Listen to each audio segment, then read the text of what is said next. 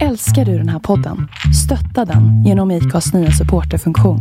Det är helt upp till dig hur mycket du vill bidra med och det finns ingen bindningstid. Klicka på länken i poddbeskrivningen för att visa din uppskattning och stötta podden.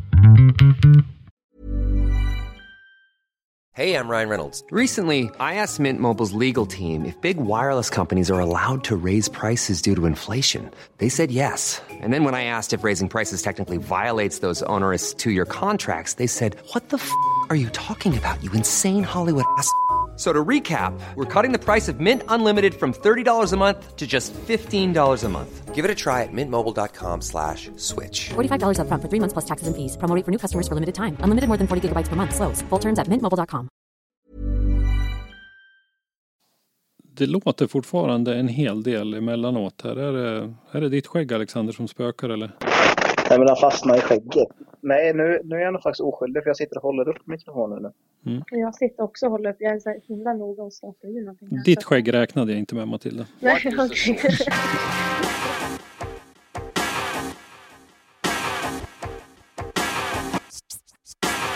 One, two, three, set it!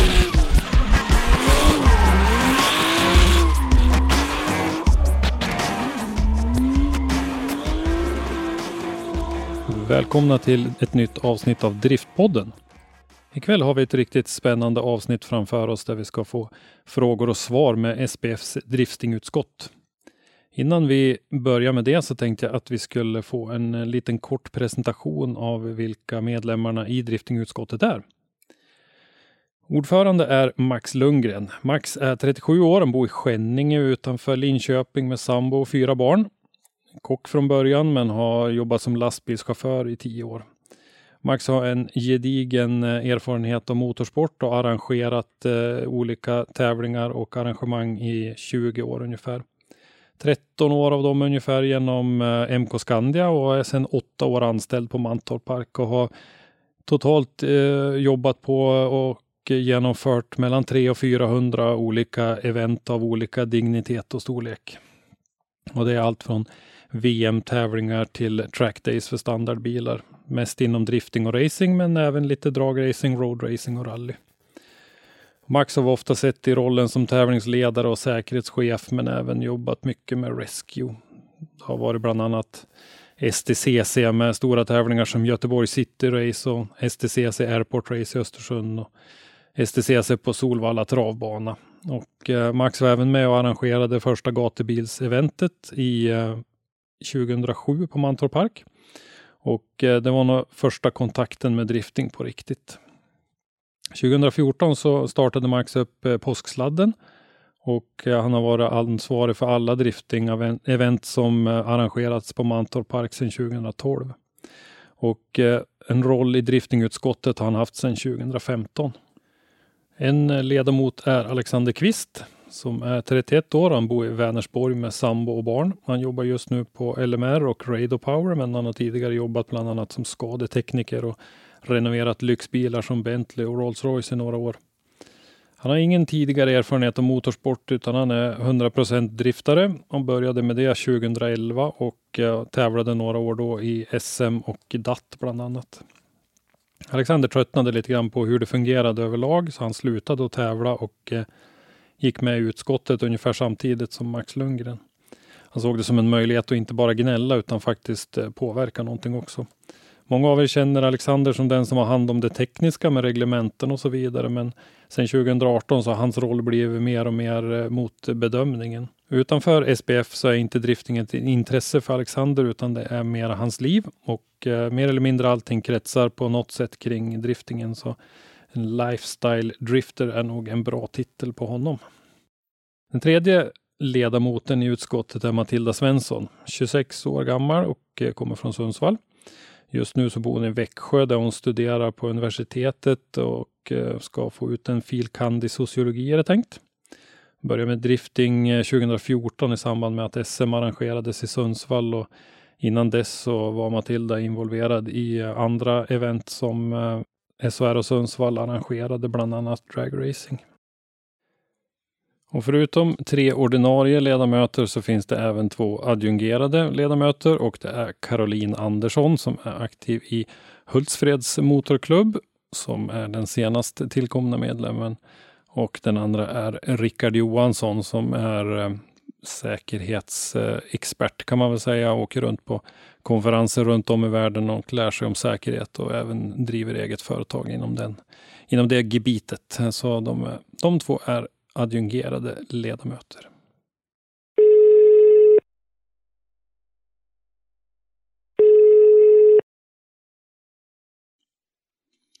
Ja, då säger vi välkomna till eh, SBFs driftingutskott eh, som eh, vi nyss har berättat lite bakgrund om.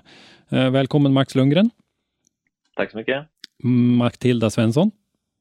Tack så mycket. Och Alexander Kvist. Tackar. Först så skulle jag vilja säga tack för att ni vill ställa upp på den här frågestunden. Vi vet ju att det har funnits frågor och som vi Eh, många vill reda ut och så där och nu, nu har vi ju chansen så att, eh, tack så mycket för att ni vill ställa upp på det. Det är lugnt. Mm. Och eh, vi ska väl säga det att frågorna vi ska gå igenom nu, de eh, har ju kommit in via ett frågeformulär som vi la ut som låg ute mellan den 12 och 19 januari. Och eh, det har ju kommit in ett antal frågor och en del eh, vi kommer att läsa upp alla frågor. En del påminner om varandra så att vi kanske klumpar ihop svaren till ett och samma, men alla frågor kommer att vara med i alla fall. Mm. Så att jag tror vi dundrar igång på en gång så får vi se vart det bär iväg någonstans. Mm, det blir bra. Mm. Då börjar vi med lite tekniska frågor faktiskt. Där Johan Sjöström undrar hur går det med tekniska reglementet till Modified? Det finns ett starkt behov av uppdatering. Eh, Andreas Gustafsson frågar när kommer de nya tekniska reglerna för Modified? Och Oskar Navrocki frågar, kommer det ut något nytt reglemente för 2020 eller ska vi bygga efter 2019? Om vi börjar med, med Modified-delarna där, vad, vad, händer det någonting där? Eh, Alexander, ska jag ta den eller? Ja, men det kan du göra. Eh, Nej, vi, eh, själva modified-reglementet är ju, har ju hängt med nu i rätt många år faktiskt i den formen som det har, har just nu. Mm. Eh, och eh, det har, har ju varit stort behov av att uppdatera det. Eh, och för, nu ska vi se, jag tror det är två år sedan nu blir det väl, eh, så eh, fick Lars Fredén frågan om han ville ta tag i det. För det framför allt han som hade framfört synpunkter om det till oss, som man säger. Då sa vi, ja men då är det bättre du liksom försöker göra en uppdatering av det som är kanske den som använder det mest och jobbar mest med det. Ja, de har ju en del eh, förare där uppe. Ja, men precis, ja. precis. Eh, och eh, så han, han håller på med det nu. Eh, vi fick den sista versionen presenterad för oss här i eh, november när vi hade en, eh, en träff för alla driftingarrangörer på Arlanda. Så då gick vi igenom det. Så han har några små justeringar som ska göras egentligen innan det ska godkännas. Då. Så vi, eh, vi förutsätter att det kommer vara godkänt innan säsongen drar igång. Men det kanske inte är godkänt om en månad utan mm. kanske tar lite längre tid. Men vi hoppas att det finns att läsa på spf.se innan eh, säsongen börjar i alla fall. Mm. Um, sen är det ju inte Eh, alltså jag tror att de som tävlar i Modified idag tror jag inte behöver vara så oroliga när det gäller Modified-reglementet. Om man ska vara helt ärlig. Vad tror du eh, Alexander som har lite mer koll på skruv och muttarna? Nej, det, det, skulle jag väl egentligen inte säga att de behöver vara utan eh, det följer ju mer eller mindre eh, liknande reglementer som det har varit tidigare. Den stora förändringen i det är ju mer att det har blivit uppdaterat för att följa samma, samma struktur som de andra reglementena. Eh, Alltså re, rent, har... rent alltså som bokmässigt så att man ska hitta i det liksom. Ja men mm. exakt mm. så, så, att det ser likadant ut som, mm. de, mm, som de andra reglementena. Ja. Uh, så att har, har man byggt sin bil efter det som har varit så det handlar om väldigt små justeringar man kan behöva göra i sådana fall. Uh, och sen i ja, vad vi själva tror och även de flesta gör så bygger de ju oftare efter ett högre reglement även om man siktar på modified. Mm. Eh, så, så, att det kommer nog falla sig ganska naturligt. Mm. Ja, ja gru grunden kan man ju säga med det regelverket med är ju att du, liksom, du ska kunna köra med en bil du tar ifrån gatan egentligen. Mm. Eh, alltså du ska kunna prova drifting med den bilen du kör till tävlingen, mm. mer eller mindre. Mm. Uh, ja, sen det, kan man ju, och det syftet liksom finns det möjlighet att justera. Mm. Ja, det gör det. Ja. Så att det är ju fortfarande så att Modified, eh, det är inget burkrav där till exempel, vilket gör att vi inte kommer köra Twin i Modified, som det har varit nu också. Då. Mm. Eh, så att eh, det, ja, det, det skiljer sig ändå ganska mycket från de andra två regelverken. Mm. Ja, och eh, Oskar Navrocki han frågar ju om eh, något nytt reglemente och eh, jag vet inte riktigt vem Oskar är, men jag känner igen efternamnet i alla fall och jag tror väl att det gäller CME Pro i den frågan, va? Sverigecupen, om jag inte helt ute och cyklar. Ja. Hur ser det ut med, med CME Pro och eh, Pro Inter-reglementen? Jo, det är väl egentligen eh, det, det är egentligen färdigt och eh, inväntar väl godkännande kan ja, man säga. Max. precis. Vi väntar på godkännande äh. från förbundsstyrelsen på mm. SPF. Då. Uh, och det som egentligen har gjort att det har dragit ut tiden nu det är ju att från och med när detta släpps då så kommer ju det tekniska reglementet för både semipro och pro vara låst i tre år. Vilket ja. innebär att vi inte går in och petar i det om det inte dyker upp säkerhetsmässiga saker då som, som blir nödvändiga. Mm. Mm. Det kan ju även vara saker som har med miljöaspekten att göra. Mm. Uh, ja, ljud till exempel är ju en sån grej som är ett problem och det kan ju ändras på tre år. Det vet man ju inte. Så att... Mm. Men uh, överlag så ska det inte behöva vara några förändringar alls egentligen. Ja. Så att uh, vi kan svara Oskar att det kommer ett nytt reglemente. vi jag vet att vi har pratat lite grann om vad innehållet är i det där på eh, det här eh, mötet som var på Mantorp Park. Det var ju lite grann där för infästningen och bakre subframen vi pratade om då som var en av uppdateringarna. Mm, det stämmer. Uh, och rent, rent krasst kan man egentligen säga att det är den enda större förändringen som blir de kommande tre åren nu då. Mm. Och det är ju alltså att främre och bakre subframes kommer inte få bytas till något annat än som har suttit där original. Då. Mm. Uh, och det är ju egentligen, alltså, ors orsaken till det är ju för att vi ska följa ett internationellt reglemente så att vi kan bygga våra bilar och känna oss trygga i att vi kan åka om man vill ut i Europa eller vart man nu vill åka. Mm. Ja, ja, men då tycker jag väl att vi har eh, besvarat de där reglementesfrågorna och det är ju på gång då. Mm. Ja. Uh, nästa gäller faktiskt också Modified. Uh, varför finns det inte vagnsbok till modbilarna? Tänk att de har fel på bilen som besiktaren påpekar och till nästa tävling är inte åtgärdad. Det vet ju inte den personen som besiktar bilen. Skulle räcka med en enklare vagnsbok, säger Thomas Brännare. Hur ligger det till där då? Eh, ja, vi har väl egentligen inget bra svar på varför det inte finns vagnbok till de bilarna, men det är ju alltså det är som det är en, det är ju liksom grunden i att tävla i drifting egentligen i Modify. Det, som vi sa, man ska ju egentligen kunna åka dit och köra med den bilen du åkte dit i.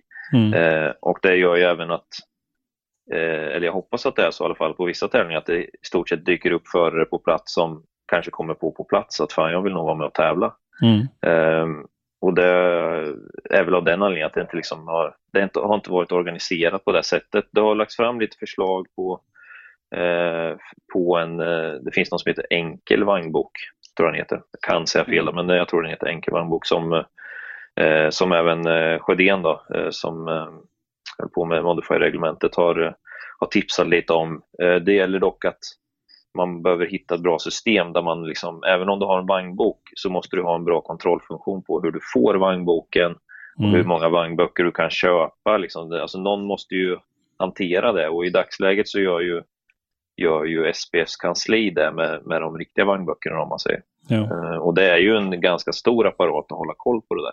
Du tänker att man, man ska inte kunna köpa en ny vagnbok om man har fått en anmärkning som man inte gillar? Precis. Mm. Precis, den ja, risken är ju, äh, finns ju liksom. Sen är det ju kanske liten risk att någon gör det, men risken finns. Mm. Äh, men det är ju ingen, ingen ursäkt till att vi inte ska ha vagnbok, men vad ska vi säga? Det har väl inte varit en, en jättestor fråga innan, men vi har börjat prata om det, så jag skulle ju tro att det kommer dyka upp framöver här. Mm. Eh, sen behöver vi liksom komma på en lösning där det inte kostar ja, vad nu en vagnbok kostar idag. Jag kommer inte riktigt ihåg det. Kommer du ihåg det Alexander kanske? Ja, men med bok och årsmärke så, pratar, så är det väl en 15-1600 ungefär. Ja. Mm. Uh, och det hoppas vi att vi kan få betydligt billigare i det fallet då, för det ska ju inte vara att man behöver betala 15-1600 för att prova på att tävla i drifting. Liksom. Nej. Så är det så att, uh, Så vi, vi får se vad som händer där. Uh, ja, alltså det kommer nog inte komma en bankbok till i år. Mm. Det vågar jag nog säga att det, det hinner vi inte lösa tills dess. En del arrangörer vet jag, jag har sett att eh, man ska antingen ska bilen vara registrerad och besiktad eh, som, som väglegal så att säga, eller ha vagnsbok.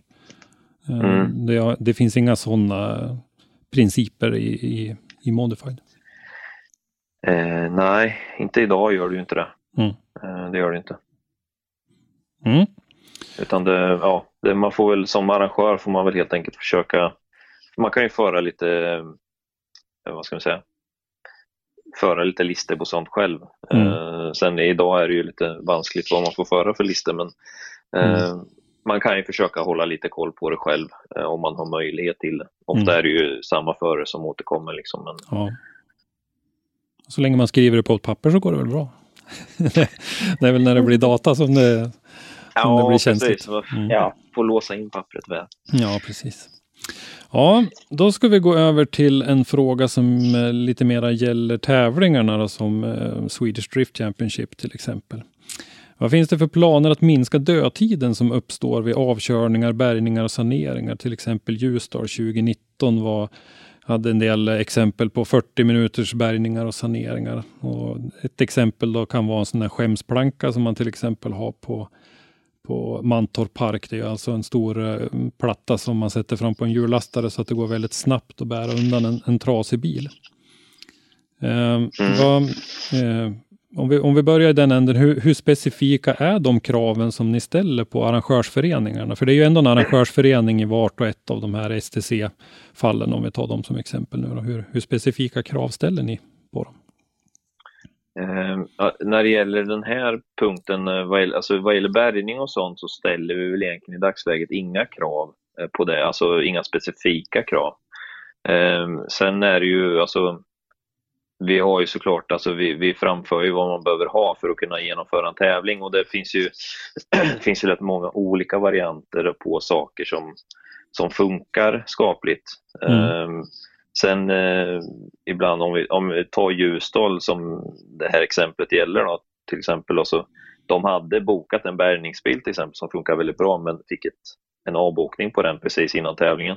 Mm. Vilket strulade till en del för dem. Ja. Um, så det, och, alltså man behöver ju ha vettiga grejer när man bärgar, så är det ju bara. Och, uh, alltså, det, sen kan det ju vara så att även på Mantorp kan det ta tid att bärga ibland. Det beror helt och hållet på på vad som har hänt och hur bilen är skadad. Alltså det, bärgning är ju en... Jag skulle, jag skulle vilja säga att det är lite av ett hantverk. Mm. Eh, alltså att göra det bra och göra det utan att skada bilen mer än nödvändigt. Mm.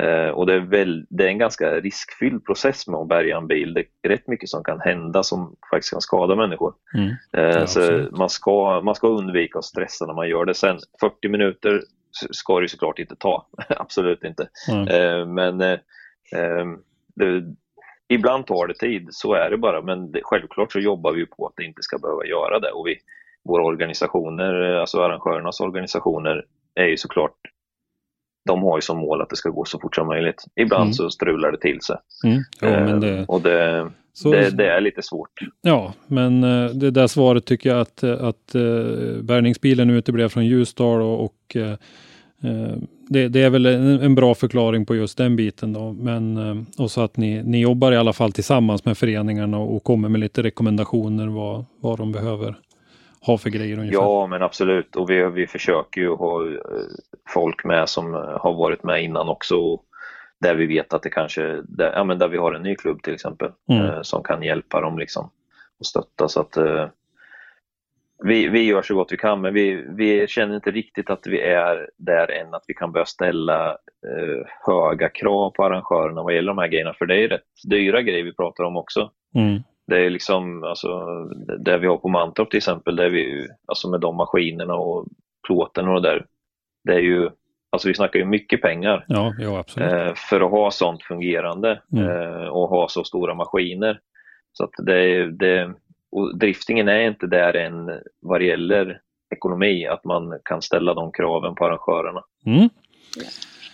Eh, då ska vi titta lite grann. Den här frågan då är till dig Max. Eh, när man ställde de här frågorna i frågeformuläret så kunde man ju då välja om man ville ställa frågan allmänt till hela utskottet eller om det var till någon speciell person. Mm. Eh, så den är till dig Max. Eh, hur jobbar utskottet med möjligheter till internationellt deltagande för svenska förare? Och då tänkte jag att vi kunde bara recappa lite snabbt vad vi hade för internationellt deltagande 2019. Då. Vi hade Christian Erlandsson som körde hela DMEC. Vi hade Elias Broström, Anders Haj och Fredrik Westring som körde hela Nästdrift-serien. Dessutom var det ett antal till som körde en deltävling i det där. Vi hade Christian Erlandsson i FIA Motorsport Games. Via IDC i Japan hade vi ingen med. I Nordic Drift Series, då, som ju var en ganska nystartad serie, så hade vi några svenskar, Mattias Bengtsson, eh, Mikael Andersson och Viktor Wettermark som körde den deltävlingen som gick i Sverige.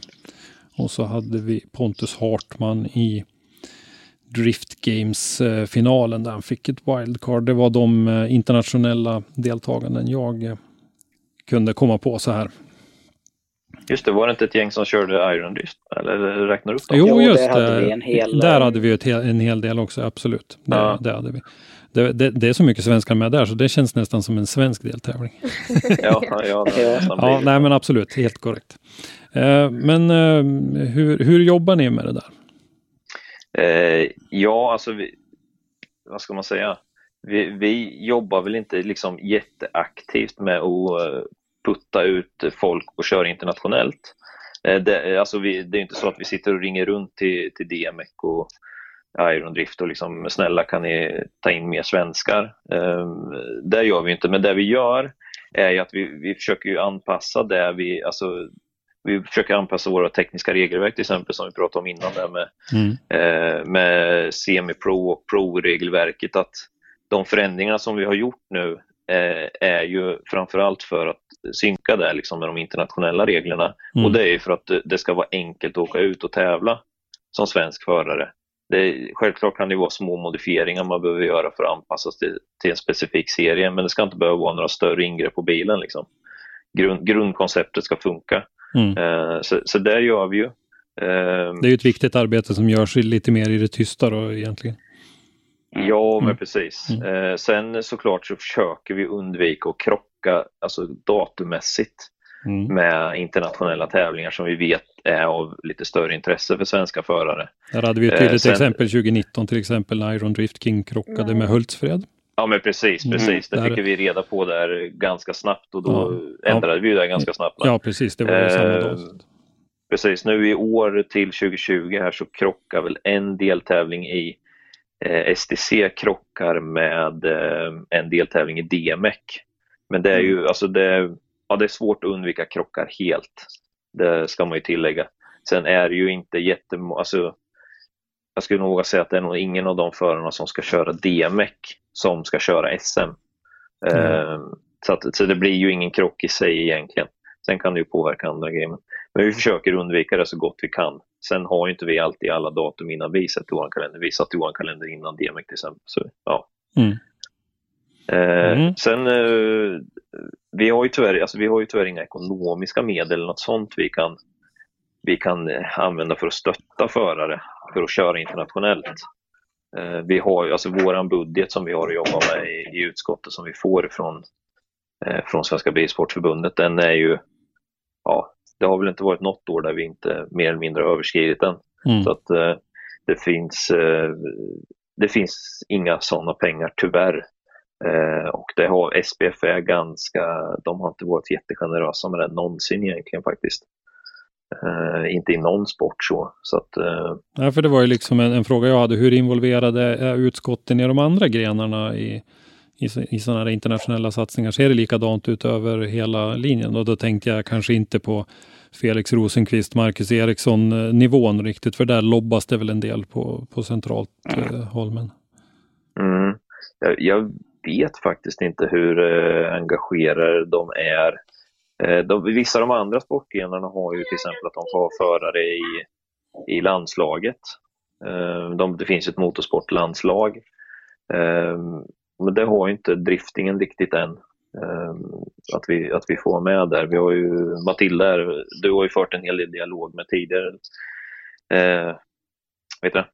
Vad, vad landslagskapten. Landslagskapten, ja. ja. Mm. Och faktum är att eh, nu har de ju bytt landslagskapten två gånger under en ganska kort period. Så de har väl inte riktigt fått det där helt och hållet i rullning än.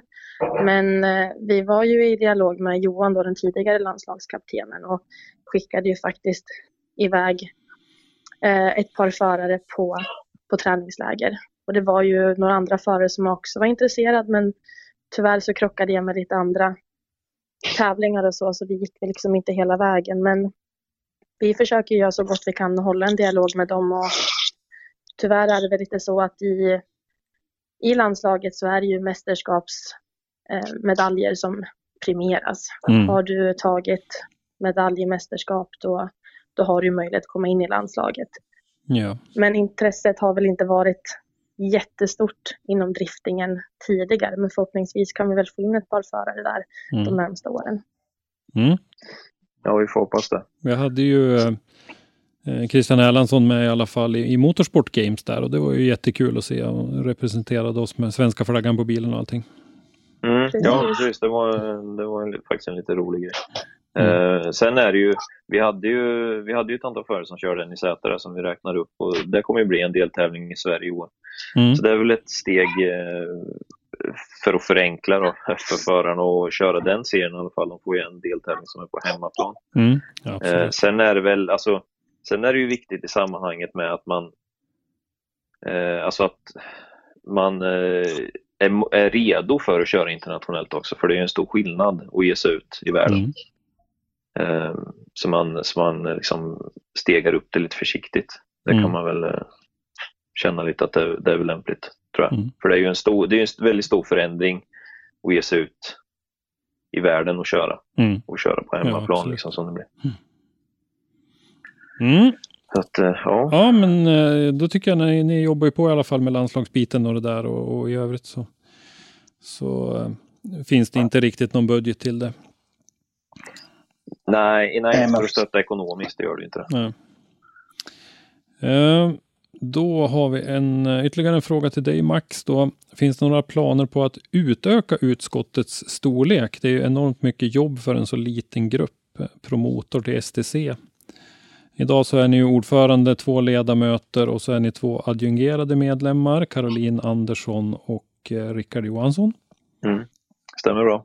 Eh, vi har ju, vi, det var väl till under förra året så mm. utökade vi faktiskt utskottet med en person.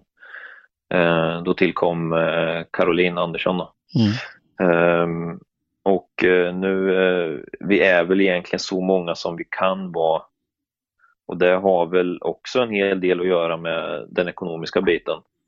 Ehm, för det är ju alltså, det kostar ju vårt utskott också för vi behöver ju vara lite aktiva och vi behöver fara runt på en del grejer. Mm. Ehm, så det, det, är också en liten pengafråga och sen känner väl vi själva att det är en ganska eh, lagom stor grupp faktiskt. Vi, vi känner väl inte att vi eh, har någon del av driftingen som vi jättemycket saknar i utskottet. Eh, vi skulle väl gärna, vi eftersökte ju för något år sedan eller vad det var.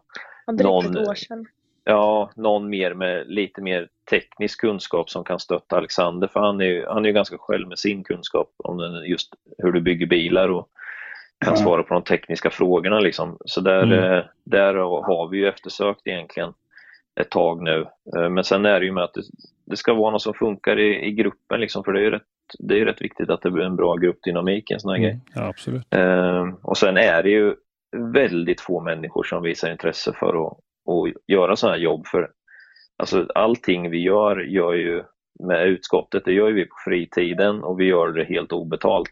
Mm. Eh, så att det är inte så här, och i, idag är det ju inte så att folk hänger på låset direkt för mm. att göra det. Eh, sen, det finns folk som har visat intresse för att vara med i utskottet, absolut. Mm. Eh, men vi känner väl själva att vi, vi, har en ganska bra uppställning och sen är det, alltså är man inte nöjd med det så att säga som annan aktör eller förare eller vad man nu kan vara, då vi är ju inte, det är inte vi som har bestämt att vi sitter här, utan det är ju, det är ju de som är med i SPF som kommer in med förslag till, till förbundet, skickar in det och de kan skicka in och säga att Max han är dum i huvudet. Mm. Han måste bort liksom. Mm. Och är det tillräckligt många som gör det, då kommer jag ryka liksom. Eh, så att eh, det, det, är ju en demokrati. Eh, och det var ju så vi, när, när, vi, när utskottet byttes ut för några år sedan nu, det var 2015 där så, då fick ju jag och Alexander och eh, Mattias Jönsson var det nog då tror jag. Ja, eh, jo, han var nog med från början där, eh, som fick frågan om vi ville vara med i ett nytt utskott och det var väl för att vi hade gnällt en hel del mm. tidigare då, så att säga och visat att vi, mm. vi ville förändra. Mm. Eh, så att eh, ingen av oss som är här nu egentligen har ju valt, alltså vad ska vi säga, ingen av oss som sitter här och sökt upp utskottet för att vara med. Uh, nu kände jag ju lite grann lite på tonaliteten i frågan att det var ju snarare kanske en omtanke än att man tycker att du är dum i huvudet. Att ni, att ni lastar på er för mycket jobb, att, att man uh, på, på, det viset liksom att... Uh... Ja, alltså, ja, men sen om man går vidare då till att vi är promotor för SDC då, mm. som utskott, så är ju det det är såklart att det innebär en hel del jobb. Mm. Det är ju det vi, vi blir tvungna att lägga mest jobb på det är att, att jobba med STC och genomföra den serien. Och det är ju, är ju egentligen ingenting som ett utskott ska behöva göra. Det är ju väldigt få utskott som har gjort det och gör det nu. Jag tror vi är de enda nu som gör det. Mm. Eh, och eh, det, alltså vi har ju önskat ifrån egentligen från början att vi inte ska behöva göra det. Men det finns ingen annan som som har visat intresse att ta tag i det. Eh, det har ju varit ett antal aktörer som har drivit SM mm. i drifting sedan det började 2013 var det väl tror jag första året kördes. Eh, sen har det kommit och gått lite aktörer och alltså det är, det är jäkligt tufft att vara promotor för, eh, för en motorsportgren på nationell nivå. Alltså det är inte så att man gräver guld direkt. Eh, och ska man hitta en sån aktör så måste den till att börja med ha rätt mycket muskler från början, framförallt ekonomiska muskler. Mm. Eh, och vara beredda att, satsa eh, en hel del eh, för att kunna få ut någonting av det. Eh, och där, det är där vi har problemet, att vi har ju inte, alltså, vi har inte ekonomiska muskler och vi har inte tid till att kunna ta steget liksom ett, eh, ja, men satsa ännu mer, mm. försöka sälja in sponsorer och liknande mm. på en hög nivå. Um, och det, vi hade jättegärna, är det någon som lyssnar som vill vara promotor och som, som är lämpad, hör gärna av er. Uh, för vi, alltså, det där med ekonomin kom, kommer vi att återkomma till lite grann längre fram. Ja. Men, men eh, vi, det är väl, generellt kan man väl beskriva det som att i andra grenar så är det väl mera så att en, en förening arrangerar en tävling och ansöker om att den ska ha SM-status innan. Precis, ja. det kan man säga. Så att eh, ni, vi samarbetar ju en, eh, en hel del på banorna runt om. Du Matilda brukar ju vara administrativ ledar hövding eller vad man ska säga. Och Alexander, eh, du har ju varit bedömare mycket nu i den här säsongen som ja. har gått och eftersom vi då från Driftzone har hållit i livestreamen så har vi ju samarbetat en hel del på, på deltävlingarna. Jo men så är det ju. Mm. Det, vi, vi, är ju ja, men vi är ju ett väldigt aktivt utskott om man jämför tror jag. Ja, samtidigt så kan väl jag se lite grann av en fördel i det också, att ni är ju verkligen ute där det händer. Ni sitter ju inte bara på möten så att säga och bestämmer om sporten, utan ni är ju verkligen ute i, i du, du Max också tävlingsledare på, på flera tävlingar och så där. Så att det, det är ju eh, som sagt ett aktivt utskott som är, som är med där det händer.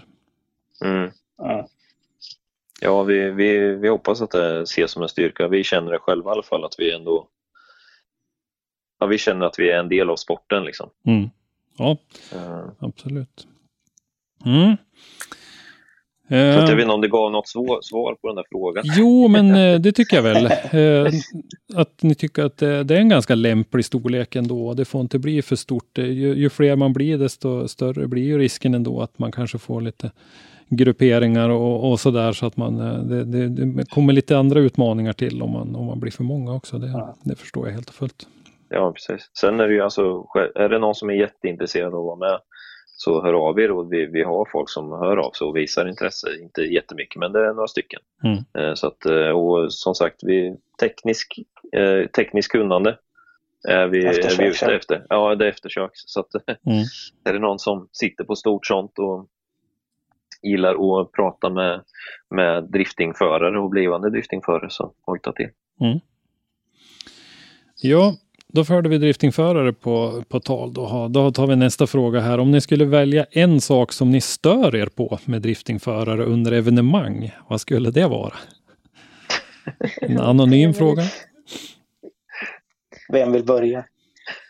Alltså, ja, jag skulle nog vilja påstå att det finns nog inte riktigt någonting vi egentligen stör oss på. Det är nog inte skillnad på driftingförare och någon annan utövare i någon annan sportgren skulle jag nog vilja påstå. Mm. Alexander, du hade någonting på hjärtat? uh, nej, men jag vet inte om det finns något specifikt så som, som är just, lite som Matilda säger, med att det just skulle ha med driftingförare att göra så ute på ett, på ett evenemang. Man förstår ju att de är både laddade och nerverna på utsidan emellanåt så. Mm. Uh, sen är det väl generellt sett på tävlingar, om man ska våga sticka ut hakan, så är väl det här med att hålla tid är väl någonting som kanske inte är många styrka. Mm. Nej, det, ja. det kan, nu när vi ändå förde det på tal så kan vi väl, där finns det väl en del övrigt att önska på, på visst arrangörshåll också när man jobbar med Absolut. tidsstyrda evenemang som livestreams och annat. Så att det, det, det ser något som en generell sjukdom i Ja, ja, det är viktigt för att ett event ska funka bra för framförallt publik och ja, alla tävlande också såklart. Att, det, mm. att tiden hålls, så, så är det ju. Sen är det ju alltså, jag skulle säga att överlag så är driftingförare väldigt lätta att ha att göra med. Eh, jag har ju jobbat mycket mot andra typer av förare, om man säger racing och eh, lite annat. Eh, och där är ju, alltså driftingförare väldigt lyhörda. Eh, och det, jag vet inte om det, har, om det är en generationsfråga, för det är ju väldigt mycket av den yngre generationen i driftingen. Um, för det är ju, kan jag säga, att om man har en tävling där medelåldern är lite högre så uh, är det kanske inte så här jättemånga som, uh, som tar åt sig av vad som sägs överhuvudtaget. Mm. Uh, och jag tror att driftingförare har ju vant sig vid med att de är tvungna att lyssna. för att lyssnar de inte på vad till exempel bedömarna säger, då kan de ju inte göra sitt jobb på banan. Liksom. Så att, eh, jag vet inte, det, det kanske hänger ihop. Ja, det kan det väl eh. göra. Man är, man är van att ta till sig kritik för att det, det gäller ju inte att vara snabbast och man kan titta på klockan om man är bäst, utan det gäller ju att, att lyssna på vad de säger, hur, hur bedömarna vill att det ska vara och göra så. Precis, precis. Mm. Sen är det ju alltså, jag skulle säga att de, eh, något som vore bra att bättra på lite, det är väl att ta för sig lite mer kanske. Och även att fråga lite mer eh, fråga när de inte vet. Mm. Och frå fråga den som de förmodligen kan ge dem ett korrekt svar också. Mm. Sen så för att, för att bara tillägga, höll jag på att säga, så åt, åt andra hållet så eh, fick ju driftingförarna stående ovationer utav samtliga tekniker när vi var uppe på den kursen. Så att eh, de har ett väldigt, väldigt bra rykte inom, inom SPF även utanför utskottet. Mm. Att de är väldigt lyhörda och lätta att ha att göra med. Så, att så är det. Jag tror att mm. vi har nog bra folk. Mm. Ja, men det är ju jättepositivt att, att höra mm. att, det, att det sprider sig även, även utanför den lilla klicken så att säga. Absolut. Mm. Jag skulle säga att de, de, som vi jobbar emot på, på SPF och på kansliet och så, de har en, tycker jag har en väldigt eh, positiv inställning till, eh, till drifting och, och förarna och, mm. och hela den grejen. Så att, eh, nej, de, har, de har gjort ett bra jobb eh, och, och visar upp eh, det bra av sporten. Mm. Ja, det är bra. Hoppas vi att det fortsätter så. Mm. Eh, då har vi en fråga till Alexander. Drifting är ju en bedömningssport. Hur arbetas det kring det? Utbildning, ny rekrytering, förutsättningar för bedömare? Ja. Rent krast kan man väl egentligen, egentligen säga att det finns ju inget eh, det finns ju inget licenssystem eller liknande som är specifikt för att vara just en bedömare. Mm. Eh, utan de som har varit och är eh, kommer ju egentligen till utav visat intresse och att de faktiskt vill vara bedömare. Eh, och det är ju egentligen det svåraste i det hela. Det svåraste är inte att lära sig vara bedömare utan det är nog att hitta de som kan tänka sig att vara det. Mm. Eh, nyrekryteringar, det, det är också en sån grej, det är svårt att hitta. Det är jättesvårt att hitta folk som, eh, som vill komma in och vara bedömare. Eh, nu vet vi att några har testat på lite lägre nivå, framförallt typ Sverigecupen tävlingar och sådär och kunnat hoppa in och göra, testa vara bedömare. Gamla förare bland annat och lite teamfolk och sådär. Mm. Eh, men till nästa år, så, eller till detta år som vi säger, 2020, så, så har vi fått med oss ett par nya i alla fall som, som vi absolut tror på kommer bli bra bedömare framöver. Mm.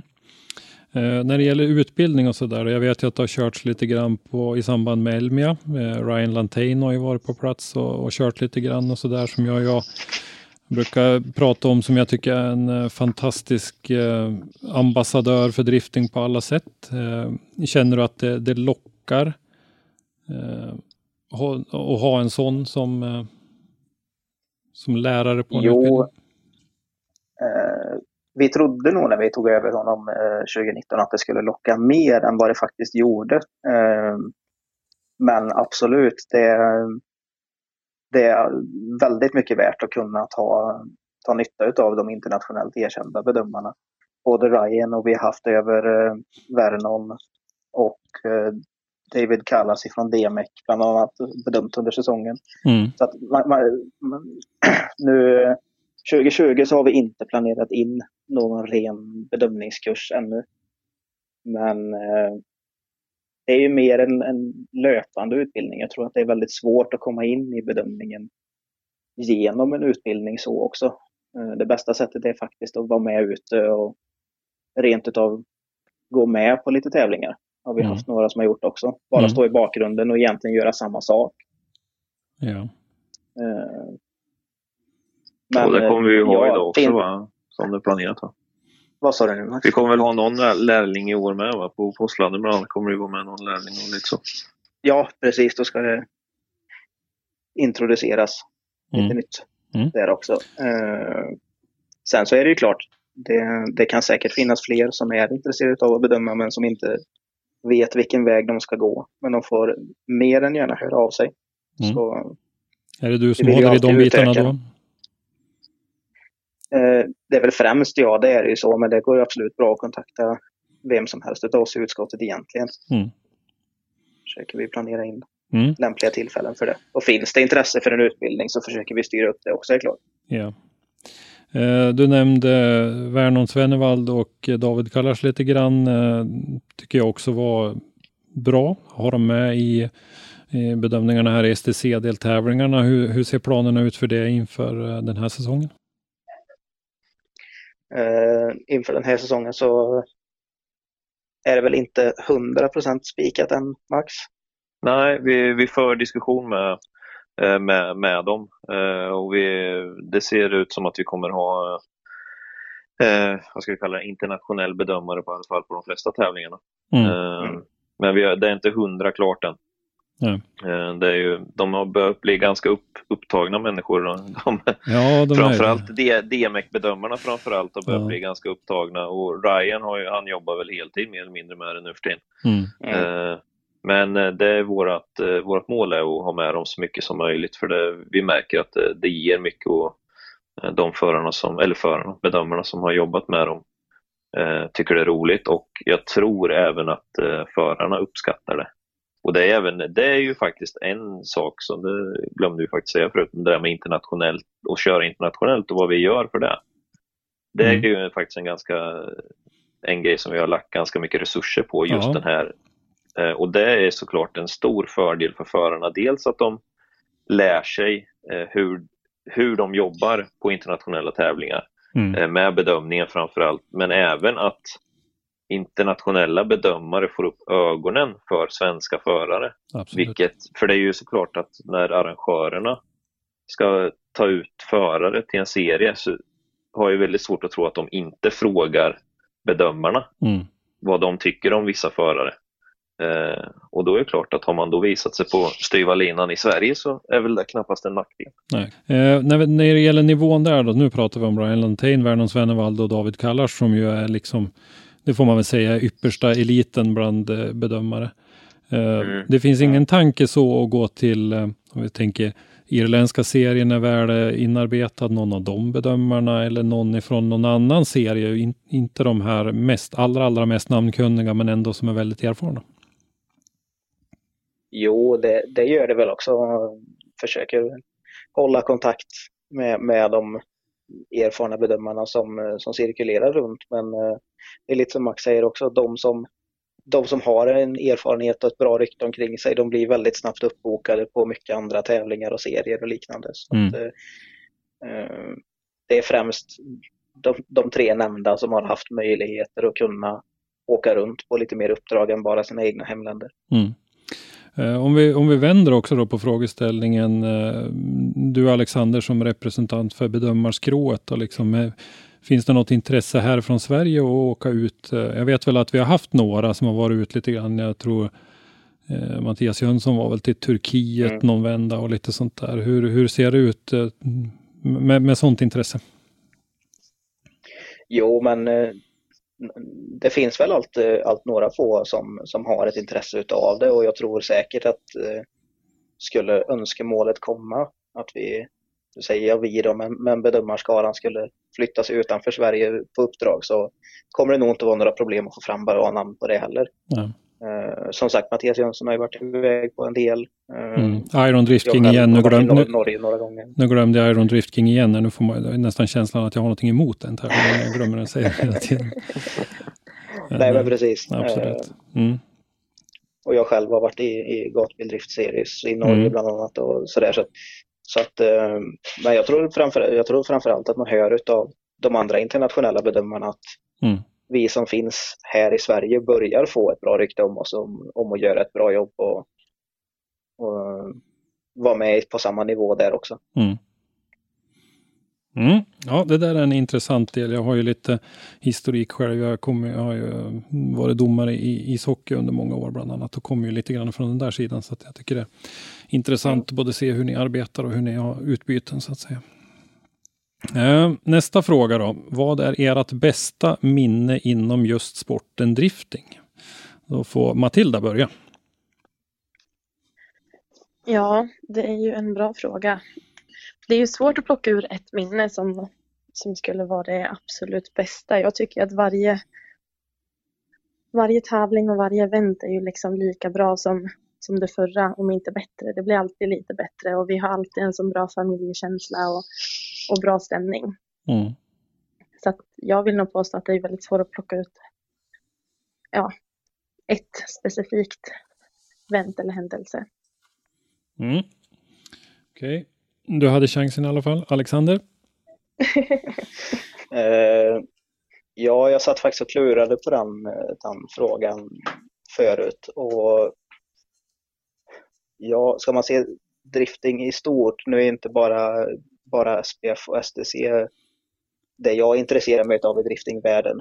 Eh, så egentligen, jag, jag kom fram till två enskilda, enskilda tillfällen som nog har varit de bästa inom, inom drifting som stort. Och det första var nog när eh, vi var över i USA och jag fick möjlighet att vara med och åka lite på All Star Bash, ett event de har efter Urbandale-finalen, eh, ihop med Kelsey Rowlings bland annat.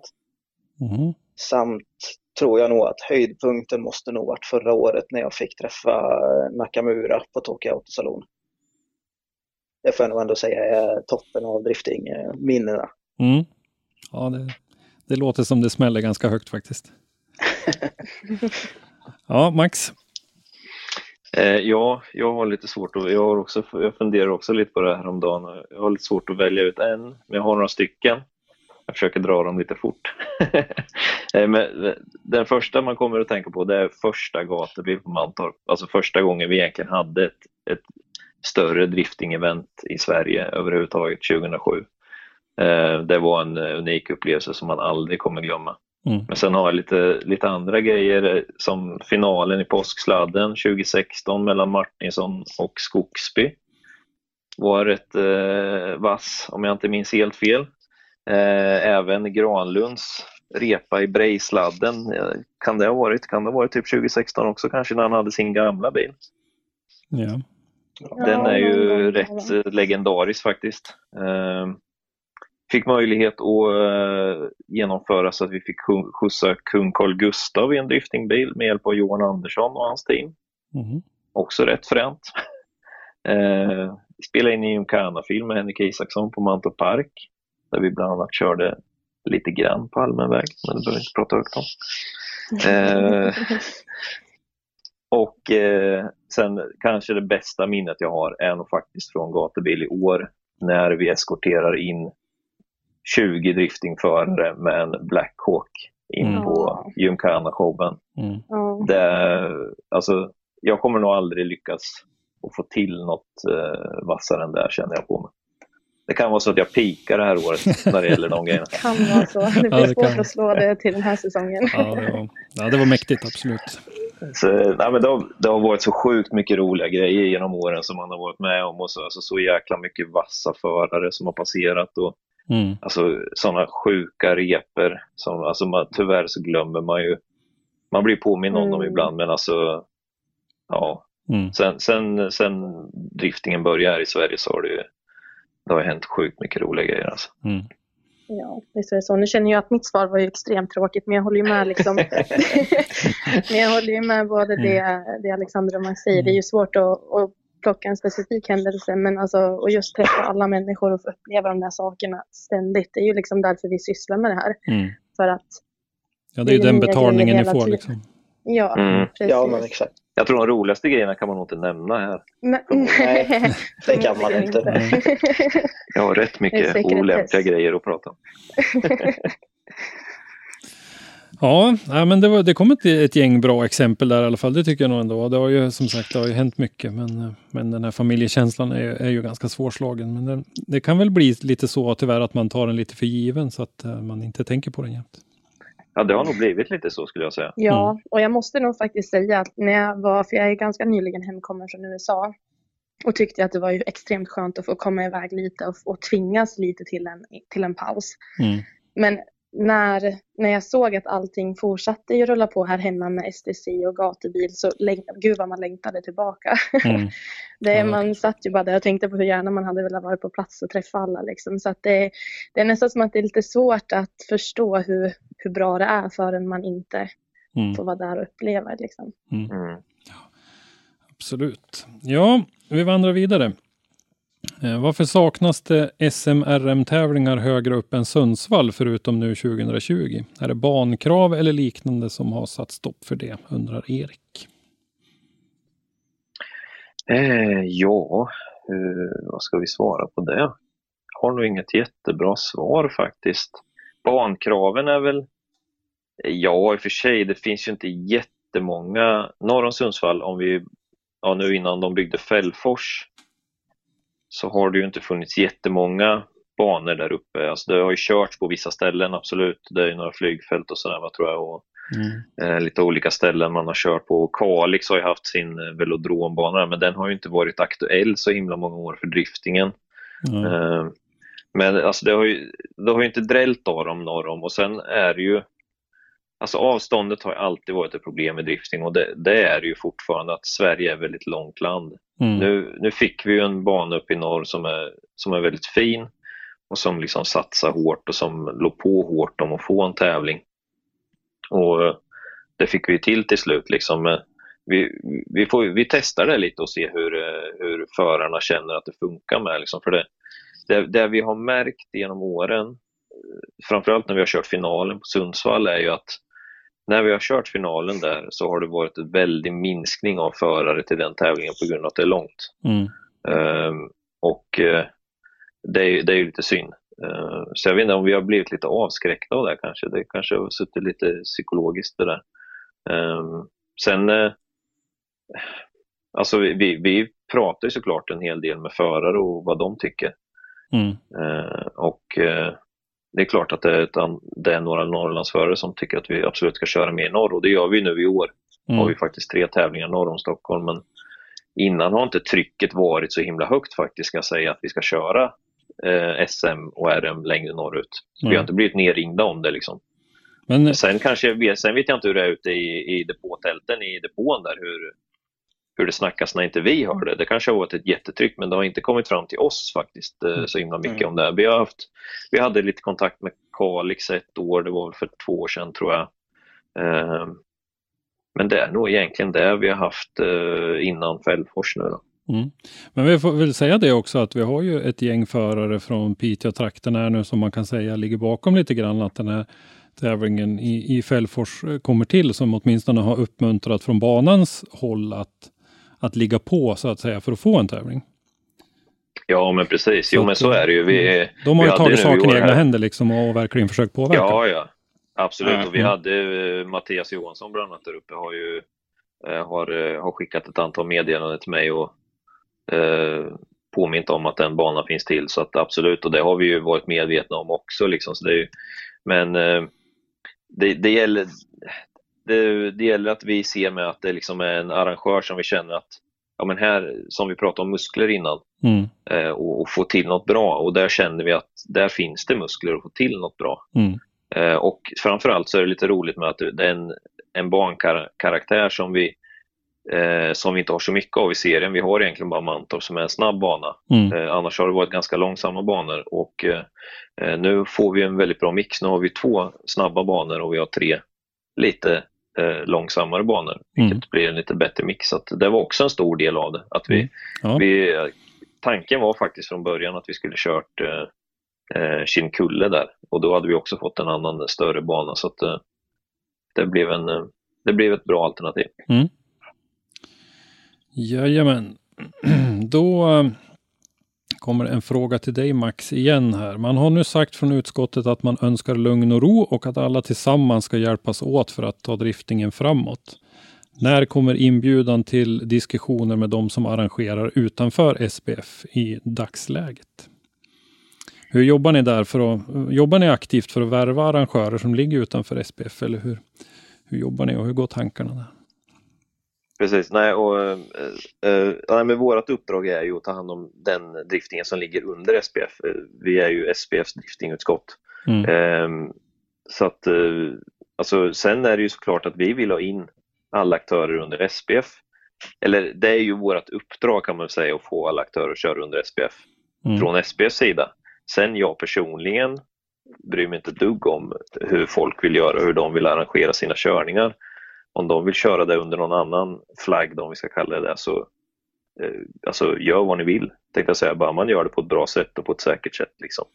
Eh, och det, alltså, vi har ju aktörer som gör det idag, eh, kör under annan försäkring och framförallt är det ju. Mm. Eh, och eh, Alltså vi, vi har egentligen inte så mycket åsikter om det skulle jag säga, väldigt lite. Eh, vilken aktör man väljer.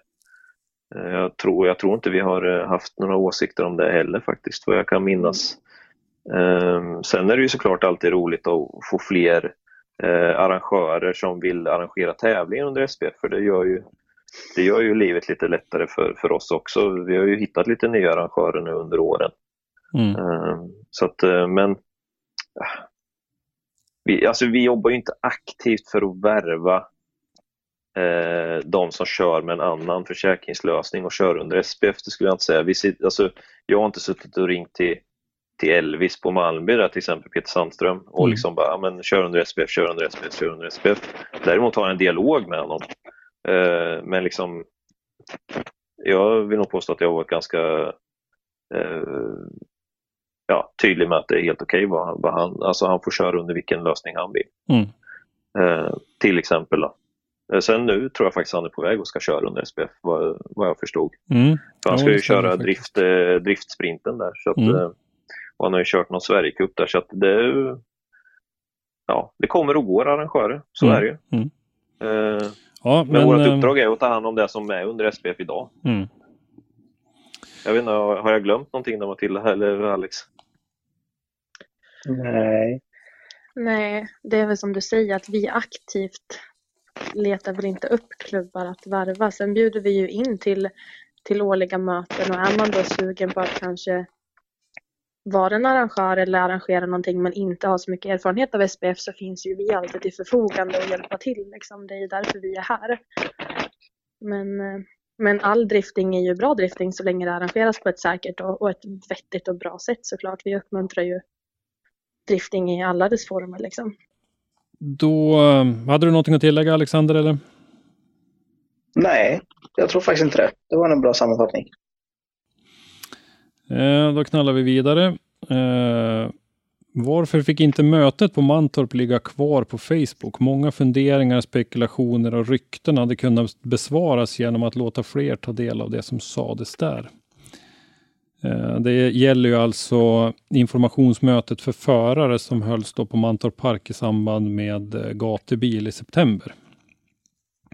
Mm. Ja, just det.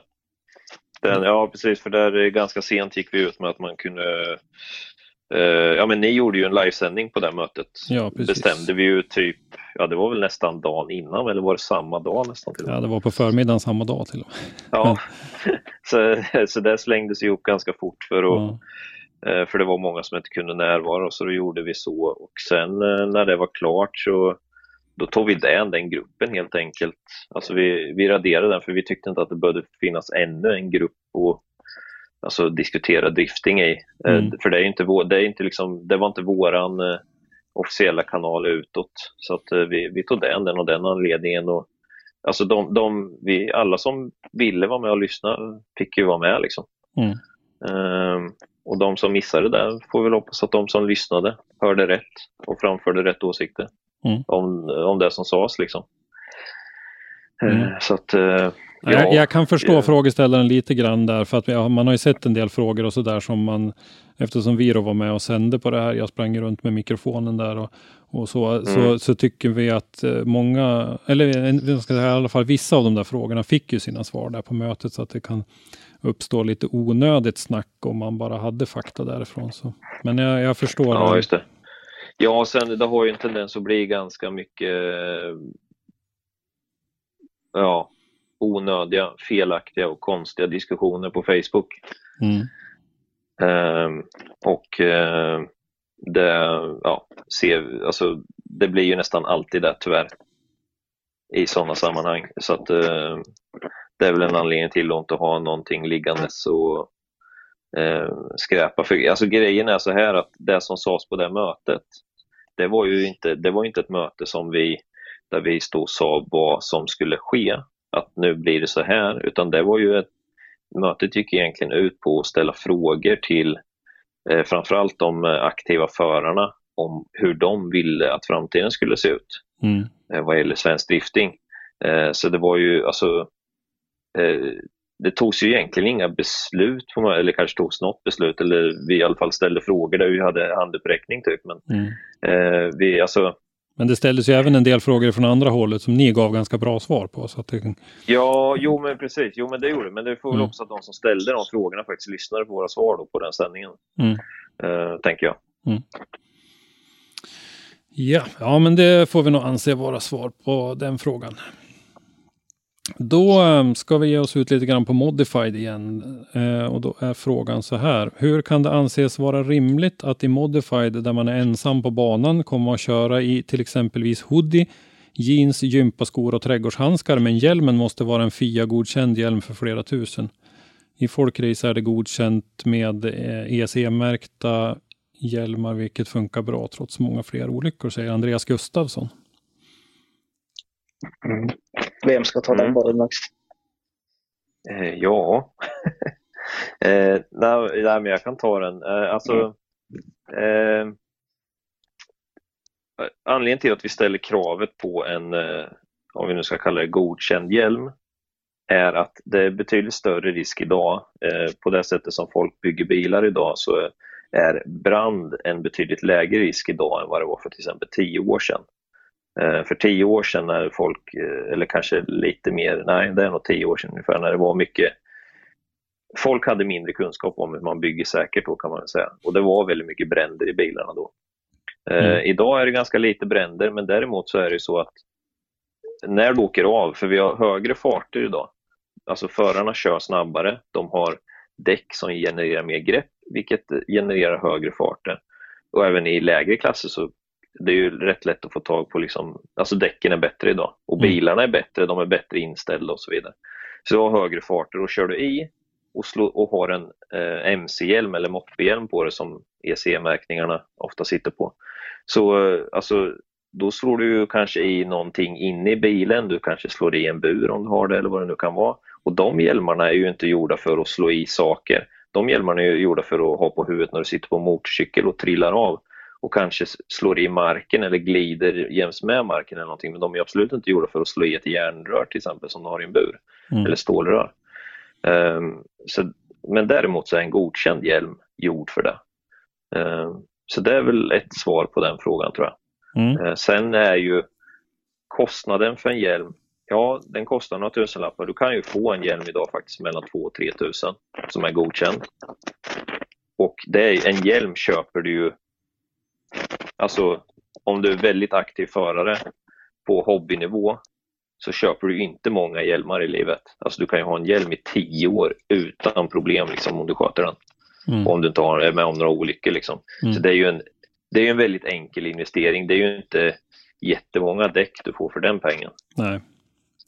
Ja, vi kikade runt lite grann. En RRS kostar 3650 såg vi och Spark och Bell, Simpson och OMP kanske runt 6000 och sådär. Det finns, eh, det finns ju en del Ja, olika. precis. Det finns, mm. ju, det finns ju hela, så du kan ju lägga 40 000 på en hjälm om du vill. Mm. Uh, men vi, vi, vi, vi resonerar så att så fort du ska börja tävla, för det är ju det som modified-reglementet är ju tävlingsregelverk. Mm. Och så fort du börjar tävla så ökar riskerna något enormt. Eh, och det, den bedömningen gör vi efter vår erfarenhet. Alltså, jag vet inte hur många tävlingar jag har genomfört, men det är många. Mm. Och det märker vi direkt att så fort det är tävling inblandat, då blir riskerna högre. Kör man en träning, då är riskerna betydligt lägre. Mm. För du utsätter dig inte för den där sista, sista liksom gamblingen för att vara snabb eller för att ligga nära bilen eller bilen framför eller vad det nu kan vara. Mm. Um, så att uh, det, och vi, vi drar gränsen där helt enkelt. Att vi vill att man ska ha en vettig hjälm i Modify. Mm. Sen är det ju liksom det andra, ja, det är klart vi vill gärna att de ska ha jättebra kläder på sig också. Men eh, vi tänkte vi börjar någonstans. Mm.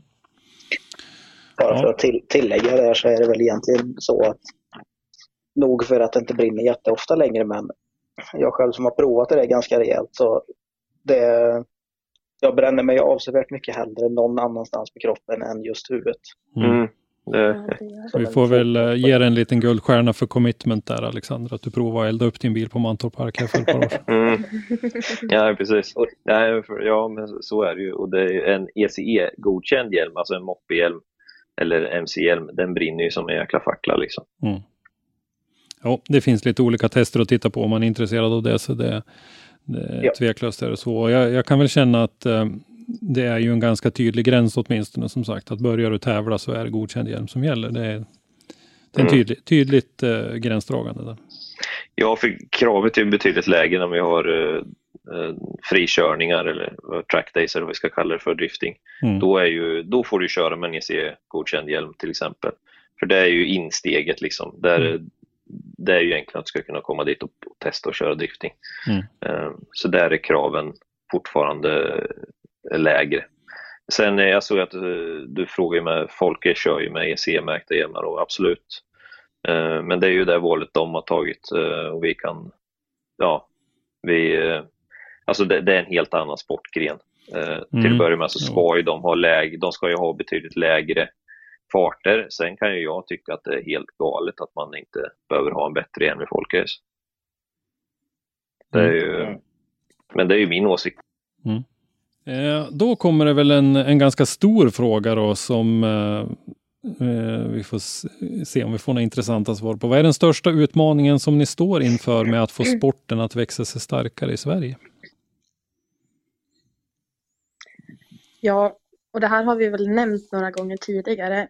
Och det är ju just det här att, jag tror Max var inne på det spåret lite tidigare, att i och med att driftingen är en så pass ny sport så har vi inte fått uppleva ett generationsskifte än.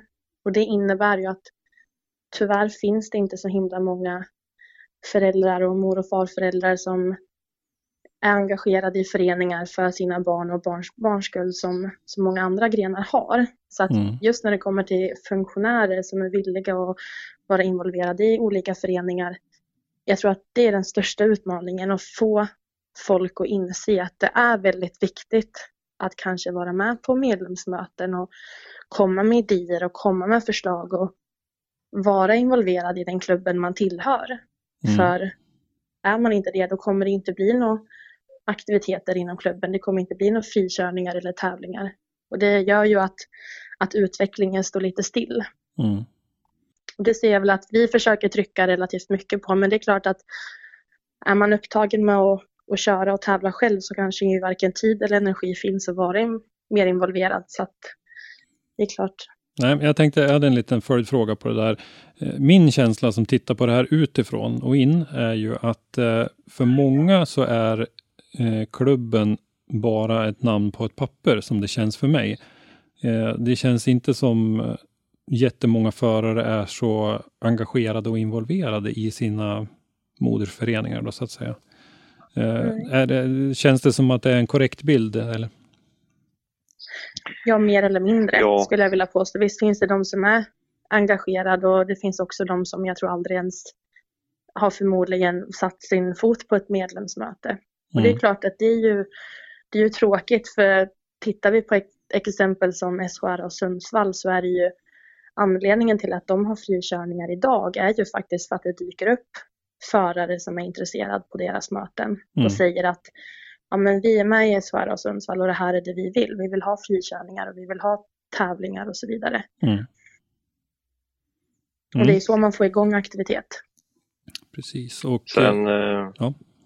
ja, sen eh, alltså ett, ett, ett eh, problem som har blivit lite större nu sista tiden egentligen är ju, alltså är ju hur vi pratar om vår egen sport. Mm. Och det är från, från allt från arrangörer till förare Eh, till funktionärer hur, hur vi eh, talar om våran sport helt enkelt. Framförallt i sociala medier. Eh, mm. För där är det ju, alltså det är, det är ofta att man kastar skit på någonting eh, som man tycker ja men det är ju någon annans grej jag kastar skit på men det är ju drifting. Alltså det är ett annat drifting-event kanske till exempel. Och mm. då kastar du skit på driftingen per automatik liksom. Mm. Eh, och, det, och det hamnar ju ute på, på nätet, liksom alla kan läsa det. Eh, och det, det, blir ju väldigt dumt. Alltså, mm. det, det, stärker ju inte sporten eh, att försöka framföra den, det man själv tycker är bäst genom att snacka skit om något annat som egentligen är samma sak. Mm. Eh, så det är ju en stor utmaning att faktiskt eh, gemensamt tala väl om sin egen sport. Mm. Sen kan man få snacka hur mycket skit man vill eh, när man sitter hemma och snackar med kompisar och vad fan man nu gör.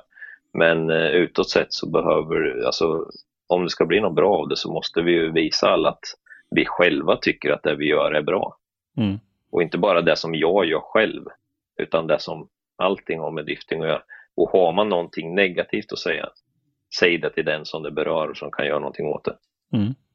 Ja, det där är jätteviktigt. Det är absolut en, en sak som, där det finns förbättringspotential. Ja, och så, det är väl så om allt förmodligen i hela världen. Fotbollen kanske har samma bekymmer, jag vet inte. Men driftingen är ju liksom en... Vi håller på att växa. Vi är ju, alltså, vi är ju i början av, eh, av den här sportens liv. Liksom. Mm. Eh, och vi kunde ha blivit lite längre och lite större snabbare än vad vi har blivit tror jag om vi hade eh, talat lite väl om vår sport faktiskt. Alexander, hade du någon input på det där med vad vi står inför för utmaningar? Ja, det som slog mig nu egentligen är väl mer det här att eh, jag själv fortsatt upplever det lite som att det är mycket vi och dom mentalitet inom, inom driftingen. Framförallt man gentemot just då utskott och SPF, att det blir gärna att man pratar om SPF som, som dem, att förarna inte riktigt gör kopplingen att de faktiskt också är SPF. Mm. Eh, det är lätt att, att och inte se den delen som förare. Och det säger jag utav egen erfarenhet själv, för jag har också suttit där och skällt på dem tills man insåg att man kan ju faktiskt göra förändring själv också. Mm. Mm. Det är väldigt enkelt och det har man ju märkt många gånger att säga att det är så här på grund av SPF eller att det är SPF som har bestämt det.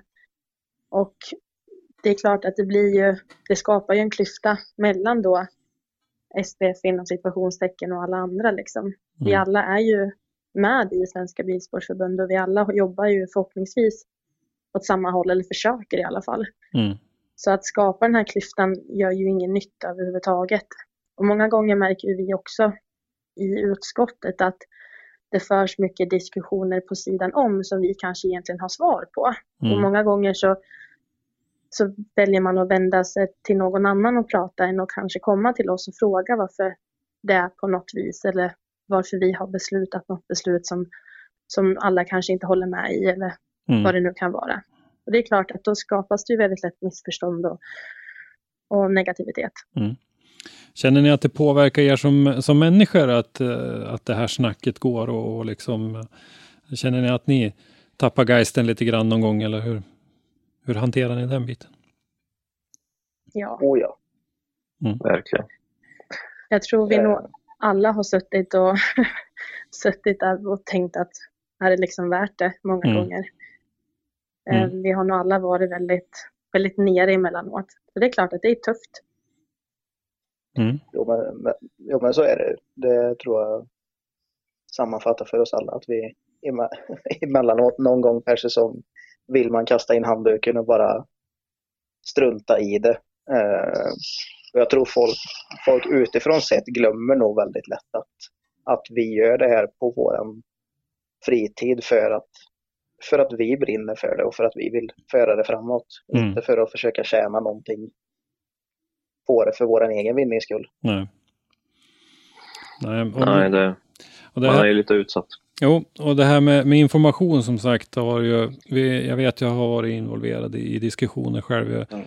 åkt runt på banor och har diskuterat eh, olika saker och man, vi då från, från medias sida, Driftsons sida, vi samarbetar ju en hel del med er och vi får ju, vi är ju med nästan överallt så vi får ju av den anledningen ganska mycket information och man har kunnat bemött en del av den här kritiken mot er genom bara att ha fakta. Man, man behöver inte välja sida eller man behöver inte egentligen ha någon egen åsikt om det utan bara att man har fakta som låg bakom det ena och det andra så, så kan man förklara mycket av det. Liksom.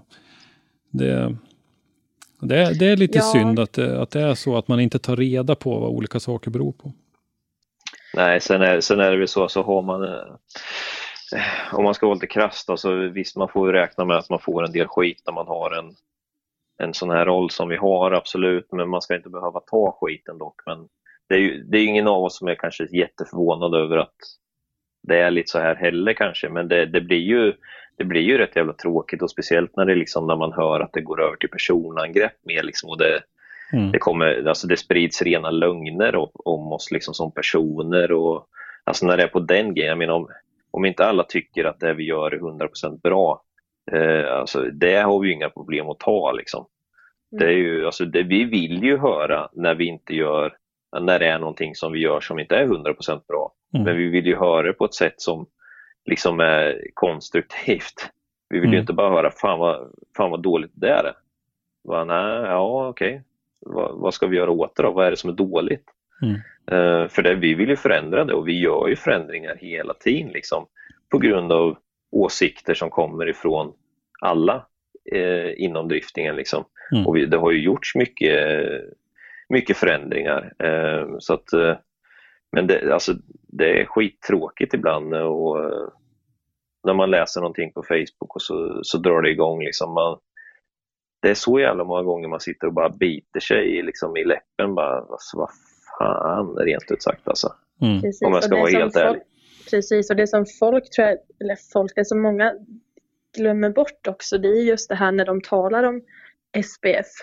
Så är det ju, det är ju vi som aktivt är de yttersta när det kommer till driftingen i och med att det är vi som sitter och tar många utav besluten. Så när det är väldigt lätt att slänga ur sig att det är SPF som har beslutat eller det är SPF det är på grund av det och det. Men mm. det är mm. ju vi som, som sitter där, det är ju mm. oss de refererar till. Ja, det är ingen stor grupp människor direkt.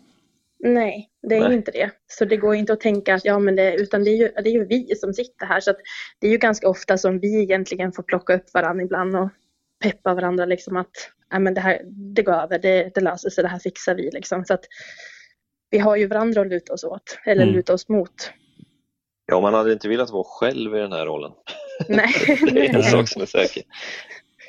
Sen, eh, ja, alltså det, det finns ju en hel del åsikter och alltså jag, kan, jag kan ju tala för mig personligen så, så vet jag att det är många som har åsikter om mig till exempel för att jag, jag sitter på Mantorp Park också. Jag jobbar på motorbana.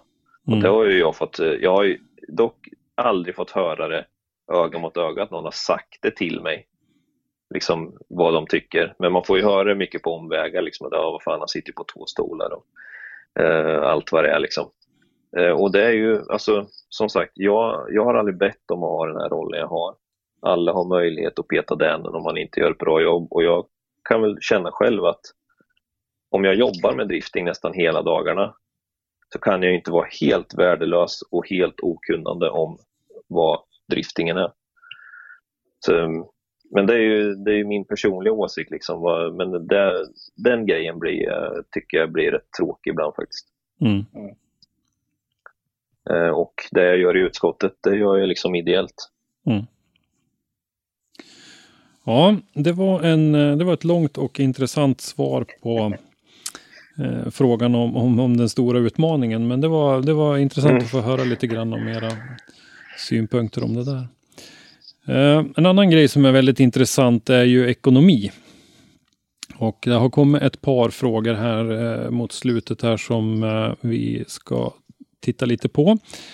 Vad är tanken bakom de sinnessjukt höga startavgifterna i SM jämfört med övriga serier i Sverige och Europa? Är det inte förarna som, publik, som publiken går för att titta på? Varför skinna de som kör så att ni får publik och intäkter överhuvudtaget? Eh, det var en fråga. Eh, vi ska, jag tycker vi nästan att vi slår ihop den här. Eh, priser, prispengar, varför är det så dåligt med det i STC? Sportmanship och familjekänslan är ju lika påtaglig i till exempel Iron Drift King som ju har bland de största prispotterna i världen. Så det verkar ju inte spela någon roll alls. Jag tycker de här frågorna hänger ju ihop lite grann. Mm. Om, vi, om vi börjar med att, kika lite grann på startavgifterna så i SDC så var det 4 000 kronor per tävling om man anmälde sig på plats, men i princip alla föranmälde sig väl enligt min uppfattning och betalade 3 000 per deltävling. Är det korrekt siffra? 2019? Ja, eh, ja, ja majoritet, majoriteten gjorde det. Ja, majoriteten. Jag tror att det var ungefär ett tiotal som betalade på plats knappt det och mm. några av dem körde knappt någon deltävling. Så, så det stämmer. Mm. Eh, om vi tittar och jämför dem med Driftmasters till exempel så har de uppgifter jag har fått så betalar man ungefär 20 000 kronor per säsong där och det är ju 3 333 kronor då per deltävling. Eh, norska mästerskapen 2019 så var det 1800 kronor norska, det är ungefär 2000 svenska då. Eh, vilket ju min uppgiftslämnare sa var för lite för den eh, serien eh, fick jag uppfattningen gick ju inte ihop riktigt så att det kommer att bli högre i år. Eh, och eh, NDS då, Nordic Drift Series eh, i Danmark, eh, eh, som huvudsak går i Danmark ska jag säga, de, där var nivåerna ungefär som här i Sverige. Va, hur ser ni på det här med, med startavgifter? ja, sinnessjukt höga startavgifter håller jag väl inte med om att det är. Sen är det klart att vi tar ut en startavgift. Eh, om man jämför med, med andra sporter, om jag, om jag nu jämför som eh, jag jämför med Mantorp Park då, där jag har mest kunskap om liksom vad som händer och sker. Om jag jämför med till exempel racing som körs på samma bana eh, så är startavgiften högre i racing och du får mindre körtid i racing. Mm. Eh, så där är, det liksom, där är det dyrare. Eh, sen eh, ska du, jag tror det är dyrare att köra roadracing också faktiskt, som man också kör på vanliga racingbanor. Sen är det ju anledningen till att vi behöver ha en startavgift är ju för att de som arrangerar tävlingarna eh, ska kunna göra det helt enkelt. För det, det innebär en hel del kostnader att arrangera en tävling. Dels måste du ha en bana som är fungerande med fungerande säkerhet. Du måste ha eh, saker som gör att du kan se på tävling på ett bra sätt, läktare och grejer. Mm. Eh, och allting, du måste kunna leverera el till de som, förarna som kommer. Du behöver ha liksom alla de ytor som behövs, du behöver ha lokaler och så vidare. Mm. Allt det där. Och allt sånt kostar ju Ja, alltså ni vill inte veta vad det kostar att driva motorbana. Mm. För det, man, alltså, det kostar sjukt mycket pengar. Mm. Eh, och även visst, vissa anläggningar är mindre, absolut, men de har sina kostnader också för de har ju mindre intäkter såklart. Mm. Alltså över, över året. Så det, det man, de pengarna man får över på en STC-tävling idag är väldigt lite skulle jag säga med tanke på hur mycket pengar man lägger på de här anläggningarna. Jag tror de flesta har nog ändå sett att eh, som Sundsvall nu till exempel, de har utökat sin bana nu, byggt om. Eh, Ljusdal, de byggde en helt ny bana. De investerade i, de köpte massa betong för att överhuvudtaget kunna ha en bana. Mm. Eh, Hultsfred har gjort massor investeringar på sin bana, Mantorp Park likadant. Eh, så att det är liksom, och det är ju, de flesta har ju investerat betydligt mer än vad, de har, än vad tävlingarna har genererat i pengar, skulle jag gissa på. Mm. Ja. Och det, alltså det är nog det enklaste svaret på frågan att, uh, att det kostar en hel del att arrangera. Och sen har vi all personalkostnad och det såklart. Mm. Men även att det är inte, alltså drifting är, det är en ganska bra publiksport i Sverige. Uh, men det är inte enormt mycket människor som kommer och tittar på en driftingtävling. Um, och, alltså, vi, vi, skulle kunna sänka startavgifterna, absolut. Men då får vi nog lite som det var i Norge där som du nämnde att då går det inte riktigt runt. Mm. Och går det inte riktigt runt, då kommer vi inte få en stabilitet i en serie. Det kommer aldrig ske då. För A och O när det gäller att göra event och tävlingar och få publik att vilja komma dit, det är att ha kontinuitet. Det är liksom eh, det är A och O. Mm, eh, ja, traditioner liksom. Mm. Och göra en tävling en gång, ja det är jätteroligt att göra en frän tävling en gång. Men det är inte bra, alltså det är ingenting som gynnar en serie, det är ingenting som gynnar sporten. Utan där behöver vi ha kontinuitet. Vi behöver veta att det finns tävlingar varje år. Mm. Och publiken behöver veta att ja men det är klart som fasen jag åker till, till Ljusdal i första helgen i juni för då kör de alltid drifting. Mm. Alltså det, det är jätteviktigt den biten. Mm. Det som, ehm, är det. Mm. Och det som kanske ska tilläggas här också, jag vet inte ifall Max sa det i början, men startavgifterna går ju oavkortat till den arrangerande klubben. Och som sagt, i och med att vi bor i ett land där vädret kanske inte alltid är, är på topp och jättestrålande och fint och soligt så är det ju inte alla gånger som klubb, klubbarna faktiskt går med vinst. Nej. Men går de med vinst så går ju pengarna, majoriteten, om inte all, eh, all vinst direkt in i klubben för att, eh, för att utveckla driftingen och investera i driftingen på banan. Och där mm. ser vi att det finns ju exempel som både Mantorp och, och Sundsvall och Hultsfred och, så, och även Ljusdal till, till den kommande säsongen. Så att, och vill vi ha bättre banor och vi vill ha bättre arrangörer, då krävs det att arrangörerna går lite med vinst emellanåt för att faktiskt kunna göra investeringar och bygga bättre banor. Mm. Men om vi, om vi tittar på en, en STC-tävling då så får, kommer det något bidrag ifrån eh, SPF centralt till en eh, SM-deltävling så här? Eh, bi, nej, alltså det, nu ska vi se här så jag säger rätt. Men det, alltså de, de pengarna som, eh, vi har ju två avgifter som förarna betalar. Du har ju något som kallas för serieavgift mm. eh, som de betalar, det är en summa och den är ju, och nu har jag inte det i huvudet, det är någon av er andra som 4 000 har 4 000 och 3 000 kronor då för SM. Så är det. Eh, så de pengarna, serieavgifterna, de går till så att säga oss i utskottet, till våran kassa mm. för att driva serien STC. Ja. Alltså allting som eh, har att göra med, som vi behöver göra till varje deltävling som inte arrangören har på sig att göra. Mm. Så det har till exempel ja, men livestreamen som, som ni i Driftzone sänder till exempel. Mm. Eh, är ju en sån sak. Eh, lite, ja, vi har lagt en hel del pengar på bedömare, ja, precis, mm. de mm. internationella. Eh, vi har gjort filmer efter tävlingarna, producerat sådana, det har vi betalat mm. folk för.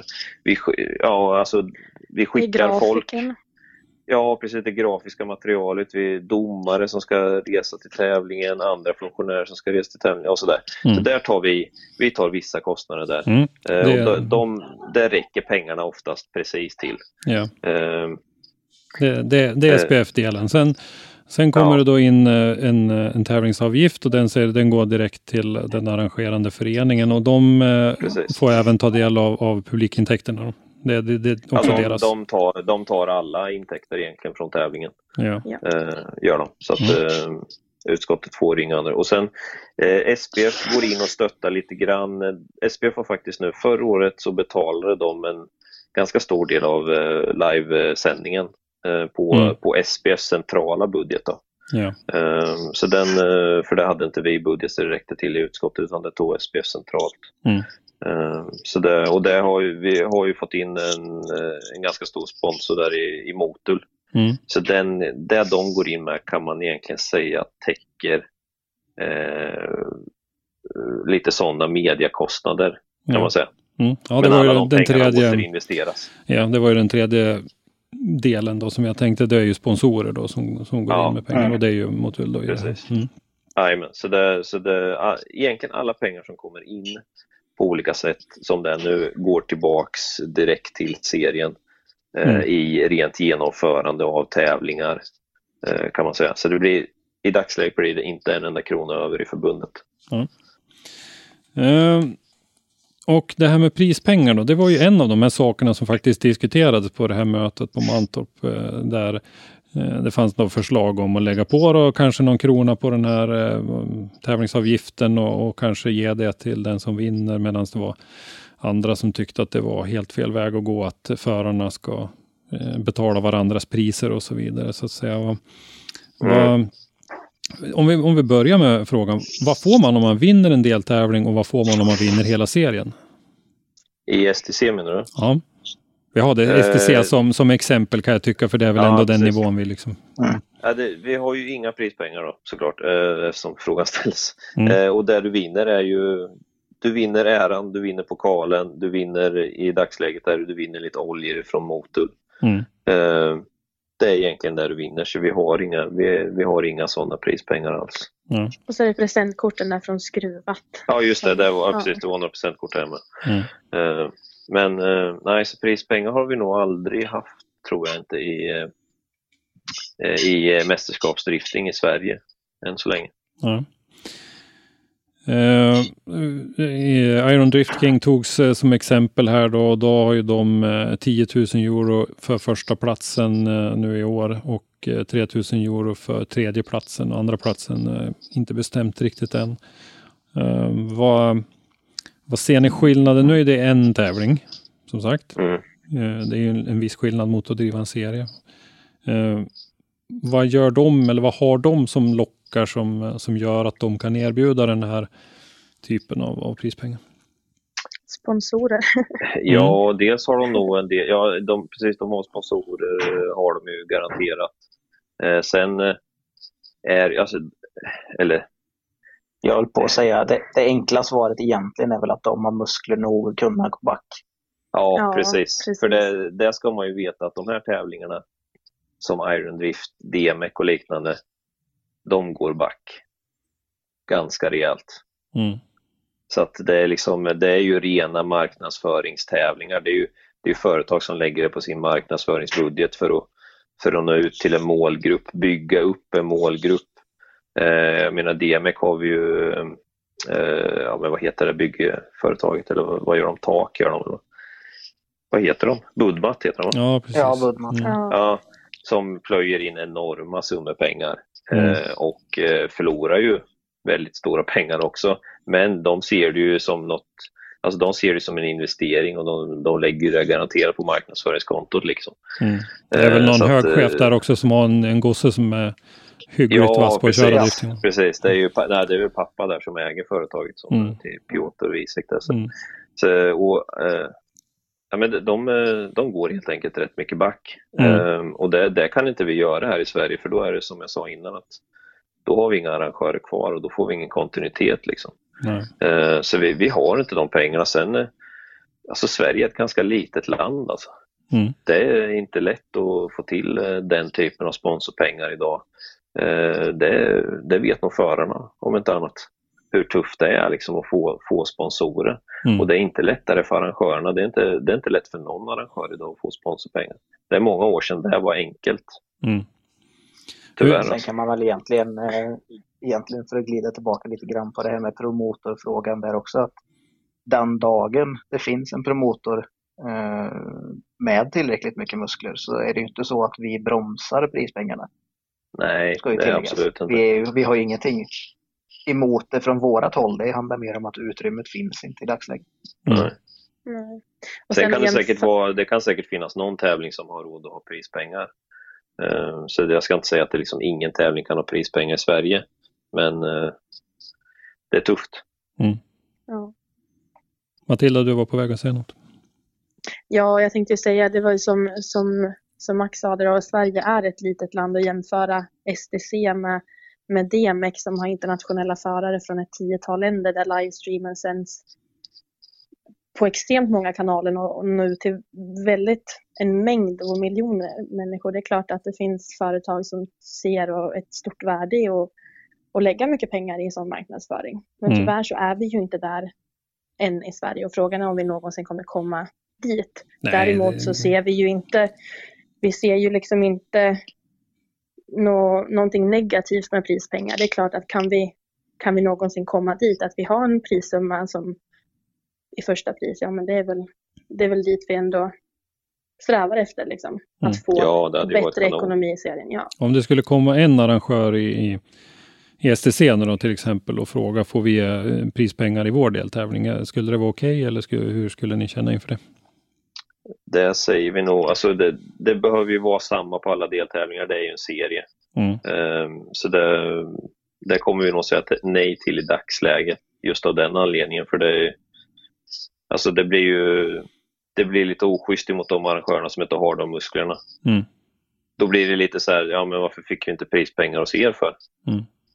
Alltså det, det blir, det, det, är en serie, det ska vara likadant på alla tävlingar. Mm. Um, så det, det, är av den anledningen. Yeah. Så, men som sagt, vi, ja, självklart vill vi, alltså vi är inte emot prispengar på något sätt. Mm. Uh, men det någon måste ju betala liksom. Mm.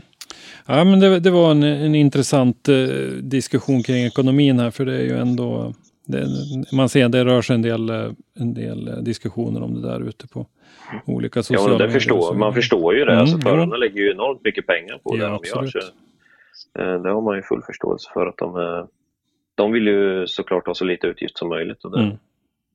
det är fullt förståeligt. Eh, vi pratade lite grann om era roller tidigare här, men en sak som vi inte har rätt ut riktigt är ju vem av er som är väderansvarig. För det, det måste vi ju ta ett snack om om man tittar tillbaka på 2019-säsongen här. Så att, eh, Jag kan svara på den frågan. Ja. Det undrar vi också. Det är Kristoffer Holms fel. Är det, är det de där stövlarna i Hultsfred du är ute efter nu eller? Japp. Ja. ja. Ja, det var det var lite gulligt när ni for och gick omkring där i era låga gummistövlar faktiskt. Eh, vi får väl hoppas att vi har lite eh, bättre tur med eh, vädret här under eh, STC-säsongen som, som kommer. Och att eh, publiken kommer ja, till verkligen. oss. Mm, ja, det får vi verkligen hoppas. Det kan ju inte bli mycket sämre vädermässigt än vad det var i alla fall.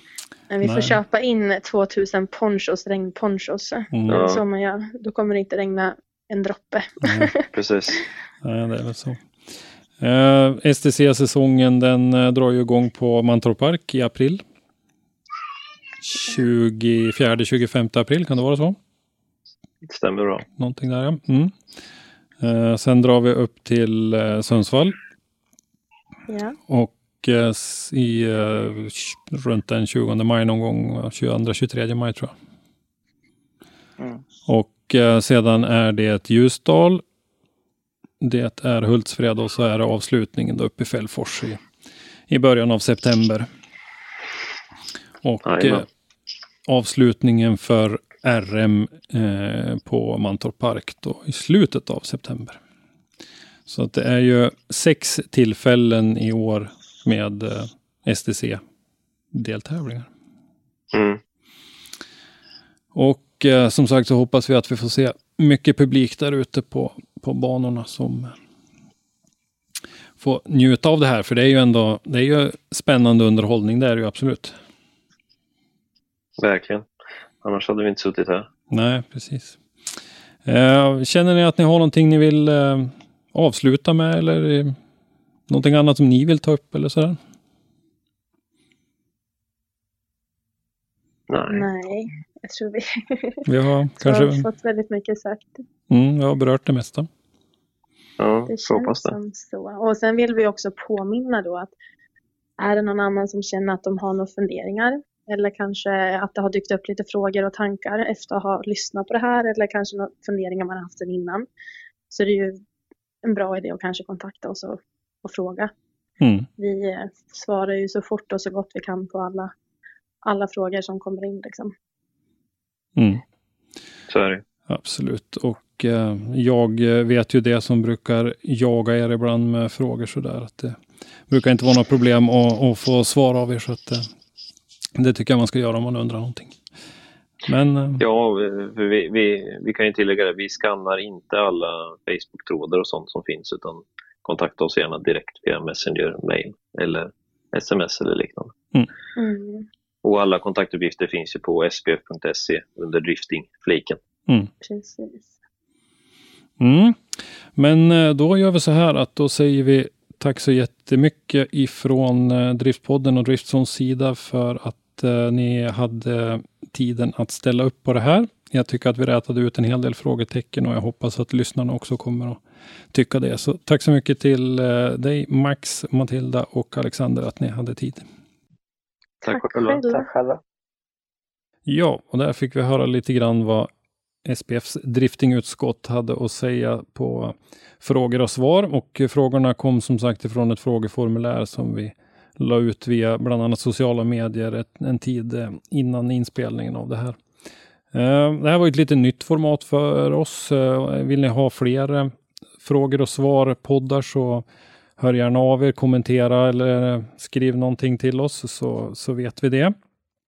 Och Tack för att du har lyssnat på podden. Lyssna gärna på våra tidigare avsnitt och glöm inte att ge oss betyg i din podcastapp. Besök oss på driftson.se eller i sociala medier för dagliga nyheter. Vi heter Driftson på de flesta plattformar. Om du har ett ämne eller en gäst som du vill att vi tar med i Driftpodden så skicka ett meddelande på våra sociala medier eller skicka ett mejl till oss. Gäster idag var SPFs driftingutskott, eh, Max Lundgren, Matilda Svensson och Alexander Kvist. Programledare var Christer Hägglund och ljudtekniker var Robban Strandberg. Driftpodden är en produktion från Driftzone och produktionsåret var 2020.